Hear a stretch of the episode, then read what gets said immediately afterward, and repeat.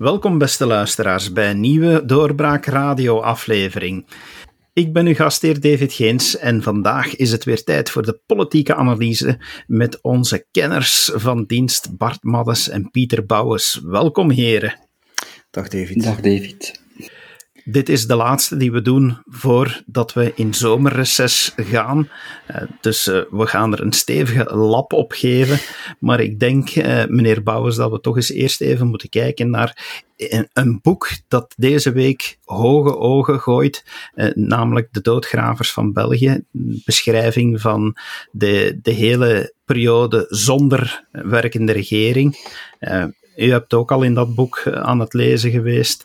Klopt omdat u hoofdredacteur bent, wil ik toch eens aan u vragen, eh, naar aanleiding van één feit dat erin staat, want dit boek zal in een volgende podcast nog dieper besproken worden, maar één feitje wil ik er toch met uithalen om met u te bespreken, is het feit dat er een, uh, ja, dat er een nieuwsfeit is omtrent uh, premier De Croo, omtrent zijn privéleven, dat blijkbaar grandioos in de doofpot is gestoken uh, door alle mainstream pers.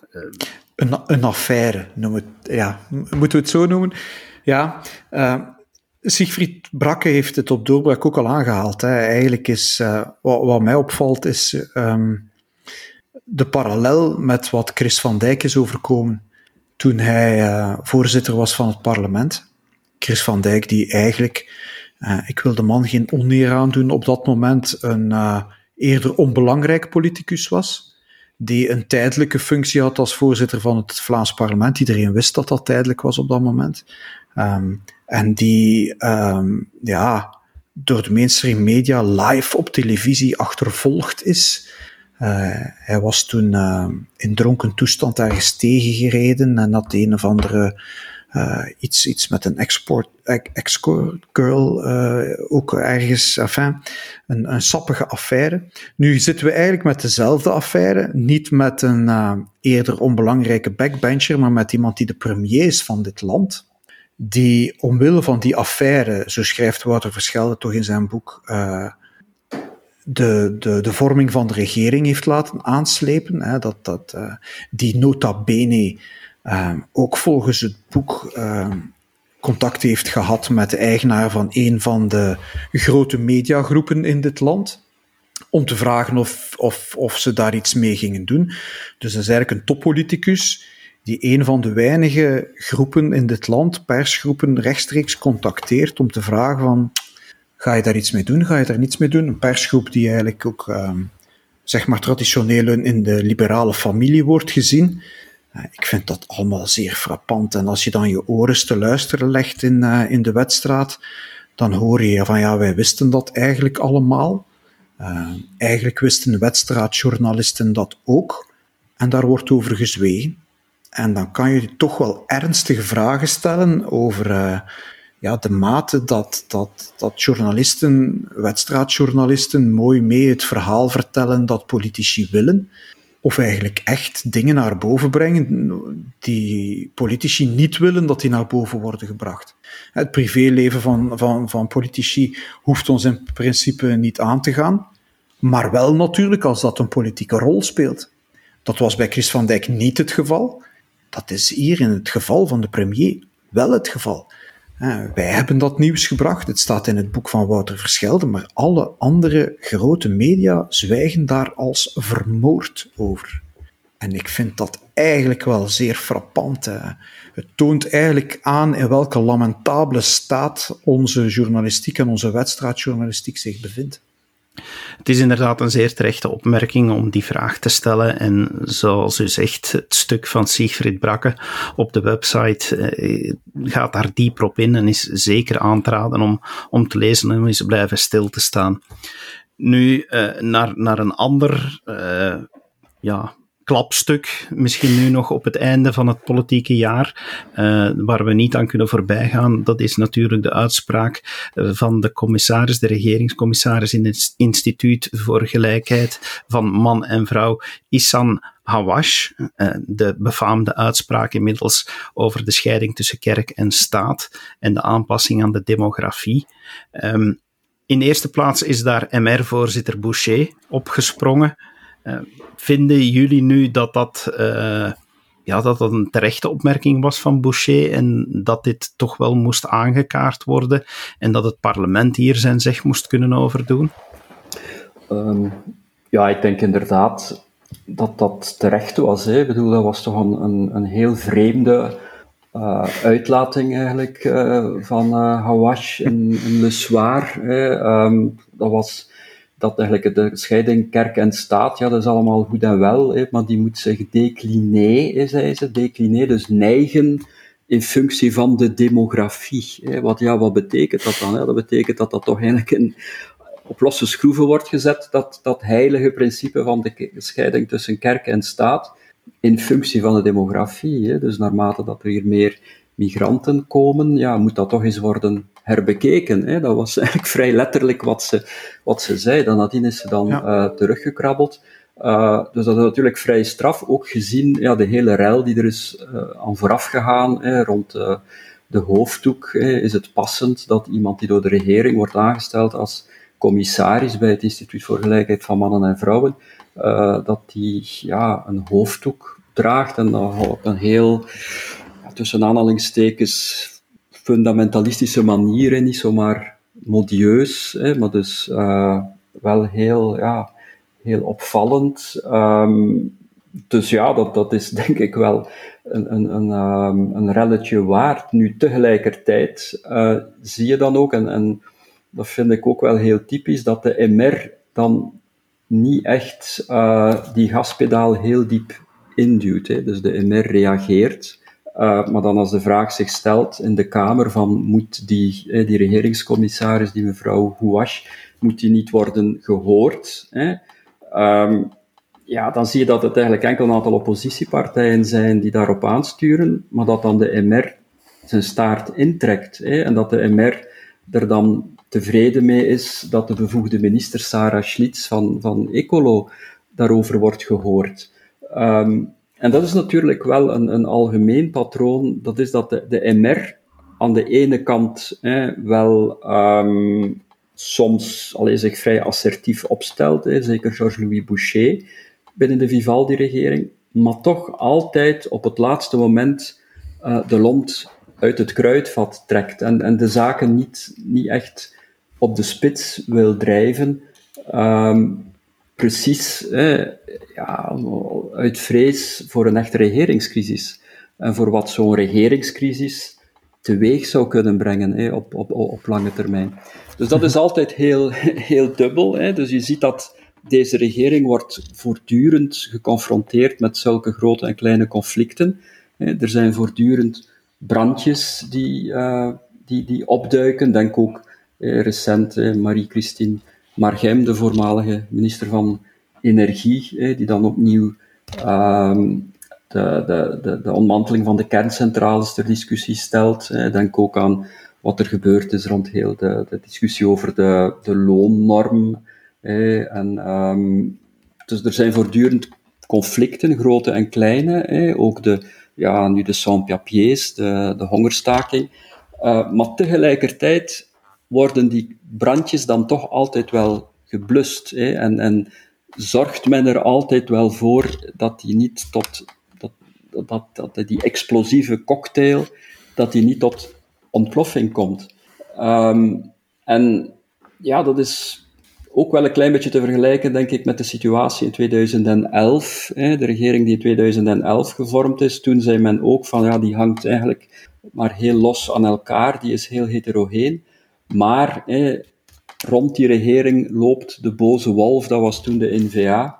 Um, en men, ja, men wapent zich daartegen, uh, men, men houdt zich sterk um, om, uit angst voor die boze wolf. Hè. En vandaag is het eigenlijk een beetje dezelfde situatie. Dat zijn die Vivaldi-partijen, ja, zeven varkentjes in een hutje, en daar rondlopen eigenlijk drie boze wolven. Hè. Ik ging juist zeggen, het is een Vlaams Belang.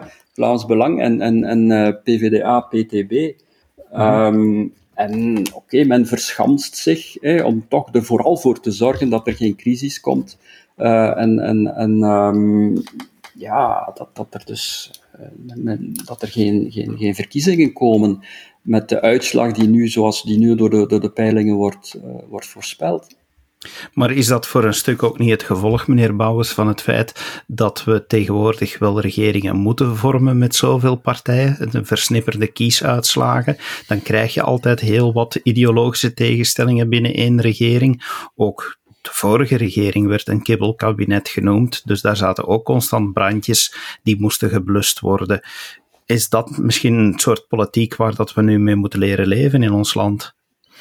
Uh, voor een deel wel. Hè. Uh, voor een deel zitten we natuurlijk vast in heel dat, uh, dat Belgisch systeem dat ons dwingt tot, tot het soort regering dat er nu is. Want laat ons eerlijk zijn, um, met NVA was er niet zoveel ander beleid mogelijk geweest. Um, dat, dat is de paradox waar, waar deze, dit land eigenlijk in zit. Hè, dat, je, dat, dat de regeringen die gevormd worden eigenlijk maar een heel minimale marge hebben langs links of langs rechts om, om echt beleid te voeren. En je ziet dat de PS um, ook bijvoorbeeld met dat interprofessioneel akkoord echt een, een césuur wou maken met die Zweedse regering, maar dat lukt niet. Um, ja, ik denk, ik denk dat je inderdaad gewoon uh, op dit moment met, met, met, een, een echt een structureel probleem zit in, in, het, in heel dat Belgische systeem. Um, wat zorgt voor ja, het, het, het feit dat je eigenlijk niet echt aan politiek, niet echt aan beleid kan doen. En uh, dat wordt ook een beetje gecamoufleerd door, ja, moet ik dat zeggen, van, van die uh, dagjespolitiek, stroovuurpolitiek, twitterpolitiek, noem het hoe je het wil. Kleine incidenten um, die eigenlijk de schijn hoog houden dat, dat er nog veel ideologische conflicten zijn. Maar eigenlijk weet iedereen in die regering perfect dat er eigenlijk maar een heel smal pad is, of een niet zo breed pad, uh, zeg het hoe je wil, uh, waar een mogelijke regering in kan lopen. En dat pad wordt bijvoorbeeld ook mee uitgezet door Europa. Hè. Ehm, er hangt een groot zwaard van Damocles boven, uh, boven deze regering en dat heet begroting. Uh, de dag dat men uh, in Brussel zegt dat die Europese begrotingsregels weer moeten gevolgd worden, ja, dan wordt dat pad dat deze regering moet bewandelen nog veel smaller. En dan denk ik dat de, de tegenstellingen alleen nog groter gaan worden. En dat we dan echt in een kibbelkabinet gaan verzeild geraken. Nu natuurlijk, de vergelijking met uh, de, de Zweedse regering is, is interessant, omdat dat was natuurlijk wel een, een ideologisch mm homogene regering, of toch relatief homogeen uh, in vergelijking met de huidige regering. Dus dat was een, ja, een, een centrum-centrum-rechtse. En ze vielen ook uiteen in gekibbel. Ze vielen ook uiteen, ja. Maar natuurlijk, om te beginnen had je een beetje het, het perceptieprobleem. Hè. Dus in 2014 dacht iedereen, ja, dit is een soort wonderkabinet. Hè. Eindelijk hebben we een, een homogene regering. En, en die dus het was een, staats, een staatshervorming op zich. Een, een staatshervorming op PS, zich, ja, zo werd dat toegezegd. Ja. En dan zag je, want dat, dat, die naam kibbelkabinet, dat dateert al van, van vrij vroeg, hè, van 2015. Hm. Toen er eigenlijk nog niet zo heel veel gekibbeld werd in die regering. Maar dat was natuurlijk omwille van die perceptie. Hè, van we hebben hier ja, die... Uh, die wondercoalitie, die homogene coalitie, eindelijk. En dan natuurlijk alles wat daarvan afweek, eh, de minste spanning die er was, werd dan enorm uitvergroot. Nu heb je eigenlijk het, tegenovergestelde. Nu heb je eigenlijk een heel heterogene coalitie, waarvan iedereen denkt van ja, die zullen nooit, uh, nooit overeenkomen. En dan, ja, het, dus ruzie, spanningen worden als normaal beschouwd. En dan telkens, als er dan toch over iets een akkoord wordt bereikt, hoe beperkt het ook is, ja, dan jubelt men daarom en dan wordt dat dan uitvergroot. Dus dat is eigenlijk het, het spiegelbeeld van wat dat wat onder de, um, onder maar de dat is, regering. Dat is wat men framing noemt. Hè. En ook hier zie je weer het belang van, van, van de pers. Het is zo, de, de, de pers neemt een bepaalde framing van een regering een keer dat het idee valt van dit is een kibbelkabinet, wordt alles wat past in dat frame van kibbelkabinet uitvergroot. En ga je, ga je juist ja, dat beeld altijd maar versterken. Zo werkt het. Is dat bewust? Nee, dat is niet bewust. Dat, dat, dat, dat werkt nu eenmaal zo. En, en hier heeft men ja, een bepaald beeld van die regering die, die positief is en moet zijn. En, en dus het positieve, de resultaten die die regering maakt, die worden uitvergroot in de pers. Mhm. Nu, je vraagt je af, Pieter, is dat bewust of is dat niet bewust? Ja, ja volgens mij is dat wel bewust. Ja, maar ik bedoel, het is geen complot, hè, Bart? Het is, het is geen complot. Nee, maar het is wel zo dat, dat, dat de meerderheid van, van journalisten zich beter voelen ja, bij, bij zo'n paars-groene, oranje regering uh, dan, dan met een centrumrechtse regering gedomineerd door, door de NVA. En, en dat speelt natuurlijk mee. En dat zag je ook vroeger tijdens de paarsgroene regering van, van, van Verhofstadt. De meeste journalisten ja, vonden dat fantastisch, hè, dat er een regering was zonder CD&V, zonder de Tjeven. Die konden een, een, een, vrij radicaal beleid voeren op vlak van de ethische issues tegen mhm. eh, de, de, de, katholieke kerk in, tegen het conservatieve Vlaanderen in. En, en dat kleurde natuurlijk sterk ja, de beeldvorming toen in de media van die regering Verhofstadt. En de positieve mhm. beeldvorming, die dan ook heeft geleid tot, tot ja, het verkiezingsresultaat in 2003, de overwinning van, van Paars. Nu zie je eigenlijk hetzelfde. De meeste journalisten, en dat is eigenlijk een, een goed recht, ik bedoel, dat is een persoonlijke overtuiging, uh, liever een, een, regering zonder de NVA. Mhm. Uh, een regering die, die sterk wordt gedomineerd door, door, links tot zelfs extreem links. Ehm, en, en daardoor schrijft men positiever over, over deze regering. Ehm, en, en worden inderdaad ja, al, die, al die problemen worden die een beetje onder het tapijt uh, geveegd. Ehm, en dat zou er wel eens toe kunnen leiden ja, dat, dat die regering in 2024 ook electoraal beter scoort dan, dan, dan dat je zou verwachten, uh, als dat zo blijft duren. Zelfs al voert deze regering geen beleid, hè, ja. Uh, maar wie zit natuurlijk met de, de, de, de relance die, die eraan komt. Uh, dus de regering zal zonder veel te doen kunnen profiteren van de economische groei en van het goed gevoel dat ontstaat, omdat we de coronacrisis uh, achter ons kunnen laten. En zelfs al komt er geen fiscale hervorming, zelfs al komt er geen pensioenhervorming, geen arbeidsmarkthervorming, zelfs al blijft het begrotingstekort dramatisch stijgen, uh, maar dan nog, als die regering een goede pers haalt uh, en een, een, zo, een, een beetje een, een uh, euforisch gevoel kan creëren, zoals Frost dat gedaan heeft in 2003, dan sluit ik niet uit ja, dat, dat, dat deze coalitie de verkiezingen wint of zich toch minstens zal kunnen handhaven in 2024 met de hulp van de, van de media. Want je mag ook niet vergeten, het deel van het publiek uh, dat zeg maar doorbraak leest uh, en, en echt politiek op de voet volgt, dat is in verhouding met het, het volledige aantal kiezers niet zo groot. Hè?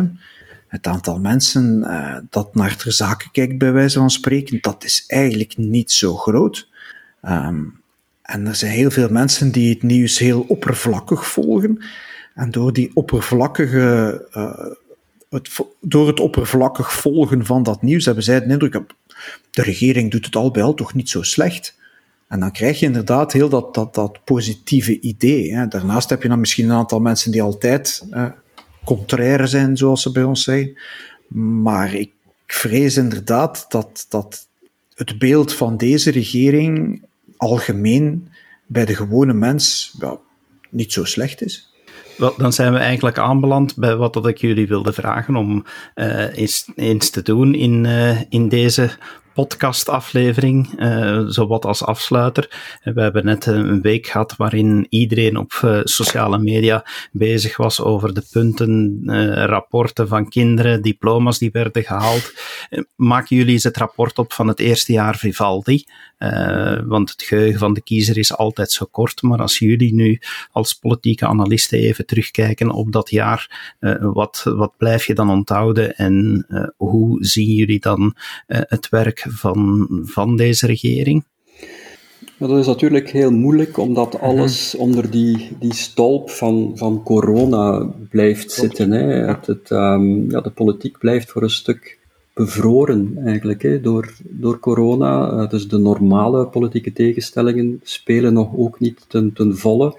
Ik zou zelfs durven voorspellen dat dat nog een tijdje zal blijven duren, zoals het er nu naar uitziet. Hè. Dat is dat eigenlijk die normalisering, dat die nog niet voor voor onmiddellijk is. Dus dat zal nog wel een tijd, uh, een tijd blijven aanslepen.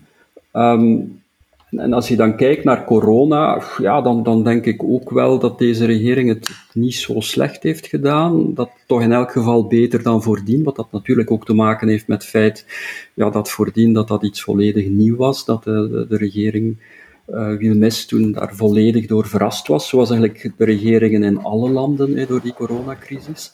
Um, terwijl, ja, onder de Vivaldi-regering is dat toch iets meer in zijn plooi gevallen. Um, met de tandem de Croo um, van den Broeke. Ik weet ook wel dat daar veel kritiek op te leveren is. Maar ik denk toch wel dat je in alle eerlijkheid moet kunnen zeggen van dat is, dat is een verbetering wat corona uh, uh, beleid Verslechtering kon ook niet, hè? Ja, of, ja precies. Ja. en dan natuurlijk vind ik ook wel, in alle objectiviteit, dat je, dat je moet zeggen dat dat Alexander de Croo het als premier eigenlijk niet slecht doet. Hè.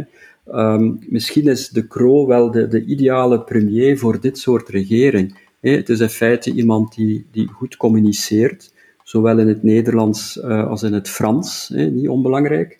Um, hij het is een beetje een, zo een, ja, een gladde diplomaat. Hè. Alles wat hij zegt is eigenlijk zo echt afgeborsteld, gepolijst. Hij wordt kunt hem zelden betrappen op domme uitspraken. Eén, één keertje heeft hij daar gelogen in het parlement rond de aanstelling van, van opnieuw uh, Hawash. dus dat, dat was dan eventjes een slippertje. Maar dat is eigenlijk heel, uh, heel uitzonderlijk. Uh, ik denk dat deze regering er veel slechter voor zou staan, moest bijvoorbeeld die Rupo premier zijn, omwille van zijn heel gebrekkige kennis van het Nederlands. Maar bijvoorbeeld ook iemand als Yves Le Terme zou eigenlijk slecht geplaatst zijn om zo'n regering te leiden. Hè. De term die toch iets, iets klunknulligs had, hè. zoiets van een, een brokkenpiloot. Um, wel 1 miljoen stemmen, hè? Ja, dat wel. Um, maar als premier ja, was het toch een beetje van hero to zero hè, bij, bij, bij de termen. Terwijl -hmm. De Croo, ja, die, die heeft zoiets diplomatisch en, en, en die slaagt er wel in om om die boel tenminste in de perceptie um, bijeen te houden. Ik, ik, als, als je mij toestaat, David, zou ik mijn oordeel over deze regering graag nog uh, even uitstellen. Um, tweede zit is misschien wat, uh, wat overdreven, maar je hebt nu corona, dat is crisisbeheer. Um, dat is op zich ook niet zo moeilijk, zou je kunnen zeggen, maar als je ziet hoe klungelig uh, de regering Wilmes dat aangepakt heeft, dan moet je toch zeggen, inderdaad, goed, uh, dat crisisbeheer hebben ze dan toch beter gedaan, maar slechter kon ook niet. Um, de vraag is natuurlijk, wanneer gaan we uit die crisismodus? En wat zal deze regering dan doen? Uh, zij heeft een vrij vaag regeerakkoord, waar allemaal heel mooie, wollige dingen in staan.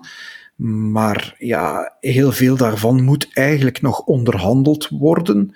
Uh, en dan vraag ik mij af of dat allemaal wel zo vlot zal verlopen, ten eerste.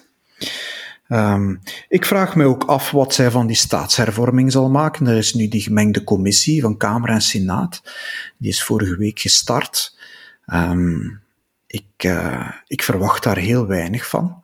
Als ik ook zie, uh, ik heb, ik heb de, de, de start van de commissie vorige week gevolgd online. Um, ja, daar, daar zien sommige mensen echt wel een vehikel in om, om opnieuw te, te herunitariseren, hè, om, om bevoegdheden terug naar het unitaire niveau te brengen. Um, ja, regeringspartijen. Uh, Groen Ecolo is daar heel open in. Uh, wat zal dat geven?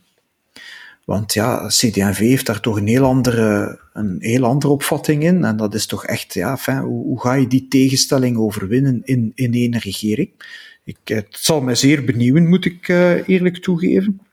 Uh, de begroting is een volgend punt. Laat ons eerlijk zijn, als deze regering putten graaft, moeten die gevuld worden. Ook al zijn die putten gegraven voor corona, die putten moeten gevuld worden. Iemand zal die moeten vullen, dat zullen wij en onze kinderen en misschien zelfs onze kleinkinderen zijn. Um, dat moet eigenlijk zo snel mogelijk. Maar ik zie deze regering daar eigenlijk niet direct toe in staat. Ik zie deze regering niet in staat uh, om grote structurele maatregelen te nemen naar de grote uitgaafposten, uh, pensioenen, sociale zekerheid toe bijvoorbeeld. Um, ik, ik ben daar heel sceptisch over. Ik laat me graag verrassen, maar ik vrees er een beetje voor, moet ik zeggen. Zeker ook, ik denk dat het hier ook al gezegd is, die begrotingen van bijvoorbeeld de Federa Fédération Wallonie-Bruxelles, eigenlijk gewoon het, de Franstalige gemeenschap, die loopt uit de hand. Dat, is, dat wordt onhoudbaar. Uh, hetzelfde Brussels, in Brussel, Brusselse gemeente, Brussels gewest, ook het Waals gewest. Uh, ja, Vlaanderen zit nu ook in de schulden, maar dat is vergeleken met, met die anderen eigenlijk ja, niks. Maar al die schulden worden voor Europa op één hoop gegooid. Dus we staan voor een gigantische uitdaging. Vlaanderen zal mee moeten helpen met die schulden van de Franstalige gemeenschap te delgen. Dus um, sta mij toe, uh, deze regering staat voor enorme uitdagingen die na corona zich aandienen. Je zal er met een wollig regeerakkoord niet zomaar van afkomen. En ik wil wel eens zien wat ze daarvan gaan maken. Ah, want mijn laatste punt dat ik hier wil maken is, als je daar met, uh, met veel mensen die de wedstrijd volgen of, of in de wedstrijd actief zijn over praat, vroeg of laat kom je altijd bij de vraag terecht, zal deze regering de rit uitdoen? En de meningen zijn daar zeer verdeeld over. Ik weet niet wat de professor daarover denkt. Um, uh, ik flipflop daar een beetje, ik weet het niet. Um, maar ik denk dat bijvoorbeeld iemand als, als Boucher tot alles in staat is. En, maar ook de PS, onder druk zou ik niet zomaar, um, niet zomaar uh, vertrouwen in, in, in dat punt. Als, als één, één partij denkt in die regering voordeel te hebben bij het toenvallen van de regering, ja, dan zou dat wel eens kunnen. Te meer omdat ook gezegd wordt dat, dat de PS af wil van die, uh, van die samenvallende verkiezingen. En dan zou 2024 ja, misschien uiteengerokken kunnen worden tot 23, 24. Maar goed. Ja. Ik weet niet, wat, wat, doet de regering de rit uit, Bart? Ik, ik denk het eigenlijk wel, want ja, natuurlijk zou een, een regeringscrisis toch een, een, een uitzichtloze situatie doen ontstaan. Ja, ja stel nu dat Vorige keer hebben ze de regering overeind gehouden. Hè? En enfin, in lopende zaken ja, tot zes maanden later. Hè? Precies, hè, dus de Marrakesh-crisis eind 2018. Klopt, stel dat er nu iets soortgelijks gebeurt, bijvoorbeeld rond de vluchtelingenproblematiek. Hè? Iets, dat is mm -hmm. iets heel explosief binnen de Vivaldi-regering. Ja, wat, wat, wat dan? Hè? Dus er is een regeringscrisis. Alexander de Croo biedt het ontslag van de regering aan aan de koning. Um, ja, vervroegde verkiezingen met, met, met deze peilingresultaten. Hè. Ga, je, ga je met de vluchtelingencrisis naar de kiezer stappen hè, en, en dan Vlaams Belang naar, naar, naar 30% of meer? Um, dus dat zal men ten, ten allen prijzen willen, willen vermijden. Hè. Dat, dat, dat, daar is men als de mhm. dood voor. Um, dus dan, ja, het alternatief is dan opnieuw de soap herbeginnen van, van, van vorig jaar. Hè, onderhandelen met de NVA over de vorming van de regering. Dan komt het communautaire weer op tafel. Ik denk dat de PS helemaal geen zin heeft om, om die draad herop te pikken. Hè. Het is trouwens ook zo uh, dat, dat dat akkoord tussen NVA en PS, hè, dat, dat binnenkort ook de eerste verjaardag verviert. Dat was eind juli, begin, begin augustus. Ja. Dat, dat trouwens ook online gezet is. Je kunt dat nalezen. Ja, dat was eigenlijk een heel vaag akkoord. Hè. Daar staan een paar frasen in die je confederalistisch kunt noemen. Um, maar dat was, dat was in heel veel opzichten vaag. Dat is niet om te zeggen van we halen dat uit de, uit de, uit de schuif en we hebben een regeerakkoord. Integendeel. Nochtans wordt dat vaak gezegd, hè, we stonden op de zucht van een akkoord. Ja, wel lees de tekst en je zult zien dat dat, ja, ja, dat, dat niet, zo, niet zo is. Hè. Um, dus dat zal heel moeilijk zijn. Uh, en dan inderdaad, je hebt het, je hebt het al gesuggereerd, ja, het alternatief is dan een heel lange periode van een regering in lopende zaken. En dan, dan kom je terecht in een, uh, in een situatie waar dat niet een half jaar regering in van lopende zaken is, ongrondwettig trouwens, mhm. maar wel drie jaar. Uh, en, en op die manier komt ook het hele verhaal in het gedrang van uh, België werkt opnieuw en die opbouw naar, naar twee, twee, 2030, de 200ste verjaardag van België, waar, waar al die Vivaldi-partijen toch naartoe werken. Dat is het, het hele idee van het establishment, om een soort uh, renouveau, een soort renaissance van België uh, teweeg te brengen. En dus een regeringscrisis zou dat allemaal in duigen doen vallen. Zou een, een, een ideaal cadeau zijn voor de Vlaamse nationalisten. Van zie je wel, België werkt niet. En ik denk dat ze al het mogelijke zullen doen om, om, om, om dat cadeau niet aan de, aan de Vlaamse nationalisten te geven. Ze gunnen dat cadeau niet aan de Vlaamse nationalisten. Uh, dus omwille van al die redenen denk ik eigenlijk niet dat de regering, dat kan natuurlijk altijd ja, een, een, een, een incident zijn. Hè. Maar, maar eigenlijk is dat ook niet zo, niet zo courant. Hè. Ik bedoel, ook heel de Marrakesh-crisis, het was ook duidelijk dat dat goed gepland was door de, door de NVA. Dat was niet zomaar onstoemelings dat de regering is, is, is gevallen. Hè. Dus daar, daar, daar zat een duidelijke strategie aan. Dus dat zou nu uh, op, opnieuw zo zijn. En ik, ik, ik denk dat dat, uh, dat, dat niet zal uh, gebeuren. Kortom, er zullen nog uh, wel wat brandjes te blussen zijn. De, deze regering zal nooit stevig aan elkaar hangen, maar het uit elkaar vallen is nog een erger alternatief. Uh, pest, cholera, uh, daar zijn mooie spreekwoorden mee te maken. Ik denk dat ze daar wel vaak zullen aan denken we hebben nu gekeken naar die Vivaldi-regering, maar er staan natuurlijk dan ook nog uh, drie partijen op zijn minst uh, daarbuiten. Uh, je hebt de N-VA en je hebt Vlaams Belang, die toch aan Vlaamse kant zeer stevige partijen geworden zijn, ook als je naar die mhm. peilingen kijkt. Je hebt dan PTB, PVDA, die zeker aan Franstalige kant enorm de wind in de zeilen heeft ja, wat verwachten jullie daarvan? Hoe gaan, hoe gaan die nog uh, de boel opstoken en, en welke richting gaan die uitgaan? Goh, um, ik vind uh, Vlaams Belang is bezig met zich inhoudelijk te versterken. Ik heb dat hier al eens gezegd, denk ik. Um, je ziet dat zij inhoudelijk medewerkers werven en, en echt proberen om inhoudelijk expertise op te bouwen. En die druk is er natuurlijk wel. Een peiling is maar een peiling en, en geen enkele partij blijft altijd stijgen, ook niet in peilingen. Dus dat, dat, gaat, dat kan ook op een gegeven moment eens keren, dat weet iedereen. Maar op dit moment blijft die druk daar natuurlijk wel. Te meer omdat je in peilingen tot het resultaat komt dat uh, ja, in het Vlaams parlement N-VA en, en Vlaams Belang een meerderheid zouden kunnen hebben. En dat zet NVA natuurlijk wel onder druk. Dat, dat merk je ook in de, in de interviews die, die gegeven worden. Onlangs Bart Wever nog, die dat dan radicaal afwijst. Um, ik, ik heb onlangs nog een debat gemodereerd voor Pro Flandria, uh, waar je voelt dat dat leeft, eigenlijk zelfs onder de partijen. En, en het N-VA en Vlaams Belang proberen eh, het verschil te maken, maar dan toch ook weer niet te veel. Sommigen wel, anderen niet. Dus het, het zet N-VA in een, in, een, in een moeilijk parket. Ik, ik heb de indruk dat de N-VA een beetje ja, op zoek is naar zichzelf. Als, als Vlaams Belang een kleine partij was, was het makkelijker om die ruimte in te nemen. Uh, nu Vlaams Belang opnieuw een grote partij is, ja, moet, moet N-VA weer op zoek naar ja, een eigen gelaat. En, en ik heb de indruk dat ze het moeilijk hebben om dat te vinden. Zijn ze nu, ja, oké, ze zijn voor confederalisme, maar hoe moet dat dan precies? Uh, willen ze samenwerking met, met, Vlaams Belang? Ja, ja, ze hebben ermee onderhandeld. Nee, ze zullen nooit samenwerken met, uh, met Vlaams Belang, zegt, zegt de Wever dan een, een beetje later in een interview.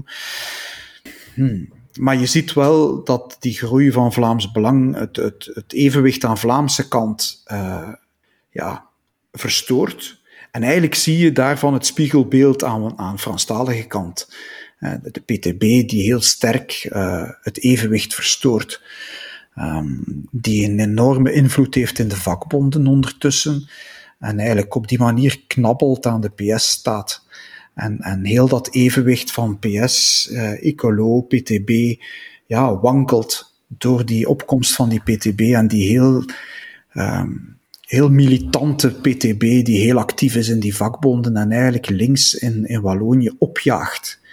De PTB speelt ook een rol in die, in die hongerstakers bijvoorbeeld. Geneeskunde voor het volk is daar aan en bij, de PvdA is daar aan en bij, of de PTB. En zo proberen zij eigenlijk die, die regering, die, die, die, die PS en, en Nicolo in die regering op te jagen. Terwijl die regering eigenlijk geen kant uit kan. Ze, kunnen moeilijk een ander beleid doen. Dat beleid kan niet veel afwijken van wat dat Franken deed, maar dat kunnen ze niet luid op zeggen. Dus je ziet dat eigenlijk ja, ons, ons politiek bestel wel, wel onder druk staat door die, door die electorale omgang, opgang van, van de twee radicale partijen die dan nog tegengesteld zijn aan elkaar. Professor wat is uw verwachting voor, uh, voor wanneer we opnieuw beginnen deze podcasts te maken? Zal er, zal er vuurwerk genoeg blijven? Zal het een leuk politiek jaar worden? Wel, ja, iets wat ik al een paar keer gelezen heb, um, dat is dat er toch stemmen opgaan binnen de Vivaldi-regering om, om een soort uh, doorstart te, te organiseren in het najaar. Hè. Dus ik dan in de veronderstelling dat, dat uh, corona voorbijgewaaid is we dus effectief ja, volop die relance hebben.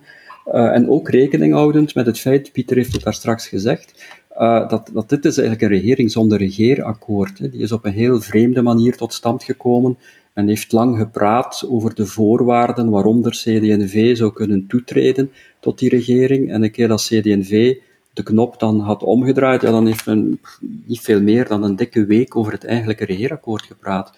Um, dus daar staat eigenlijk niet zoveel in. Uh, en, en sommigen blijken met het idee te spelen om, om eigenlijk in het najaar opnieuw rond al die hervormingen uh, een serieus beleid te voeren. Hè. Dan gaat het over fiscale hervorming, pensioenhervorming, arbeidsmarkthervorming. Um, dus dat is iets wat er, wat er misschien zit aan te komen. Ik verwacht dat eigenlijk niet. Hè. Ik heb het daar straks al gezegd. Ik verwacht eerder een, een non-beleid. Het non-beleid dat tot beleid wordt verheven met natuurlijk een mistgordijn. Hè. Uh, mm-hmm. Een beetje gezien ja, rond uh, heel de houding van deze regering ten opzichte van Orbán en Hongarije hè, en de heel radicale manier waar de regering zich daar, daar tegen Hongarije heeft afgezet. Dat is een soort regenboogkleurigachtig mistgordijn uh, dat precies die leegte in zaken beleid moet, uh, moet verdoezelen. Hè? Een soort illusionisme, waar dat Guy Verhofstadt in de Paarse regering ook het patent op had. Hè? Niet gaan skiën in Oostenrijk enzovoort. Ik, ik verwacht mij vooral daaraan. Um, maar dat neemt natuurlijk niet weg ja, dat die, die heikele zaken die ik daar straks heb genoemd, fiscale hervorming, begroting ook, pensioenhervorming, ja, dat, dat die wel op tafel zullen komen en, en politieke spanning zullen creëren. Het zal dus allemaal heel boeiend worden. Ik denk dat we eh, onder ons drie toch uh, een vakantie verdiend hebben. Uh, ik wil jullie een, een heel leuke zomer toewensen. Uh, meneer Bouwens, professor Maddes, geniet ervan. Doe wat inspiratie op. laat de batterijen opnieuw op, want eind augustus gaan we opnieuw van start en verwachten de luisteraars ons opnieuw. Heel hartelijk dank voor jullie tijd vandaag. Graag gedaan. Graag gedaan en ook prettige vakantie, David. En ook Dankjewel. voor, mij prettige vakantie. Dankjewel. En u, beste luisteraar, bedankt om te luisteren. Zoals u hoorde, we gaan even in zomerreces met onze politieke analyses, maar we blijven natuurlijk wel bovenop de actualiteit zitten. Eh, indien er deze zomer toch iets gebeurt, dan hoort u nog van ons. Uh, graag tot later. Dag. Dit was een episode van Doorbraak Radio, de podcast van doorbraak.be. Volg onze podcast op doorbraak.be/slash radio of via Apple Podcasts, Overcast of Spotify. Bezoek ook onze website op doorbraak.be en steun ons door een vriend te worden van Doorbraak.